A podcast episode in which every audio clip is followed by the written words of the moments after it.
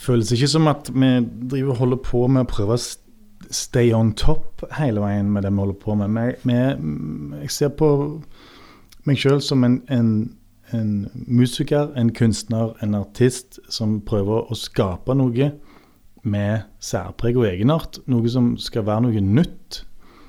Eh, jeg studerer ikke pop, f.eks., og prøver å lage verdens beste popsang i samme kategori som alle andre som prøver å lage verdens beste popsang. Jeg prøver å lage ting som er annerledes, og som kommer fra innsida av meg, men som er fullt av referanser som det peker på av ting som jeg har sett eller hørt eller lest, eller gjerne for film, eller Jeg har òg jobbet så masse med teater og musikaler og uh, filmmusikk. Sånn det, og det er jo visuelle kunstformer og liksom uh, egentlig varianter av av en uh, musikalsk konsert, så, så, jeg liker å tro at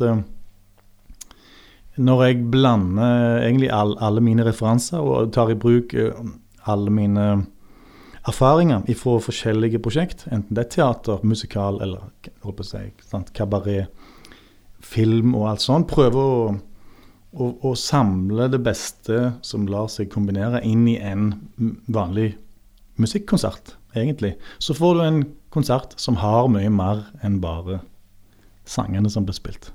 Så det er det jeg prøver å gjøre, og det er det jeg er ute og gjør nå i, i høst. Uh, og så er det det jeg har tenkt å videreutvikle, egentlig.